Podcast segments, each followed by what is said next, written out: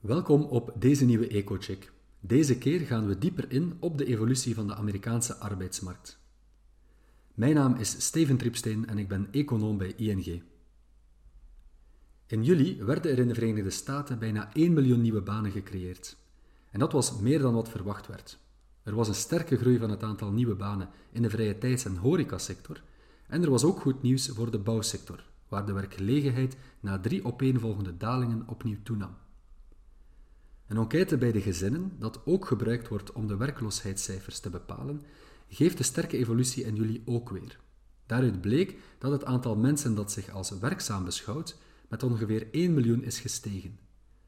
Omdat er ook een lichte stijging was van de arbeidsmarktparticipatie, zakte het werkloosheidscijfer slechts lichtjes, namelijk van 5,7% in juni naar 5,4% in juli. Het herstel van de Amerikaanse arbeidsmarkt zette zich dus verder in juli.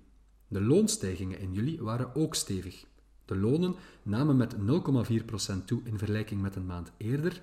In vergelijking met een jaar geleden zijn de lonen al met 4% gestegen. De stijging van het aantal jobs en de hogere lonen betekenen dat de vooruitzichten voor de consumptie van de gezinnen positief zijn. Maar we mogen niet vergeten dat het totale aantal jobs in de VS nog steeds 5,7 miljoen lager is dan voor de pandemie. Uit het recente BBP-verslag bleek dat de economie alle verloren activiteit al heeft goedgemaakt, maar er is dus nog een lange weg af te leggen voordat de arbeidsmarkt helemaal hersteld is. Het tragere herstel van de werkgelegenheid is er door problemen op de aanbodzijde. Een tekort aan arbeidskrachten wordt vaak genoemd als reden waarom bedrijven niet het gewenste personeelsbestand hebben. En het te lage arbeidsaanbod zal volgens ons slechts geleidelijk minderen. Het klopt dat de aanvullende federale werkloosheidsuitkering in vele federale staten al is stopgezet of zal stopgezet worden, wat dus de financiële stimulans om werk te zoeken zou moeten vergroten.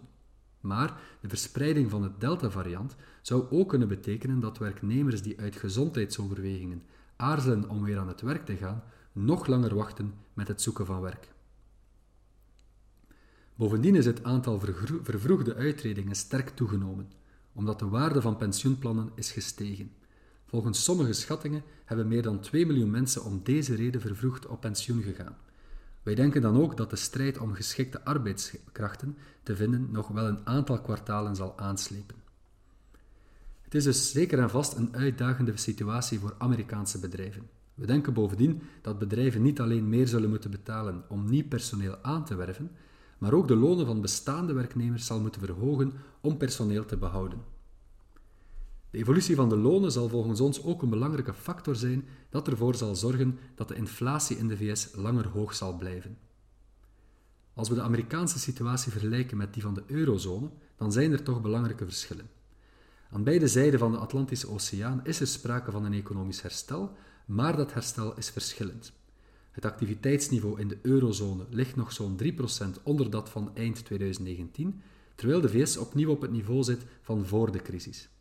En het gebrek aan activiteit in de eurozone zal waarschijnlijk niet dezelfde druk op de lonen uitoefenen als in de VS, wat ook in een lagere inflatoire druk zou moeten resulteren in de eurozone.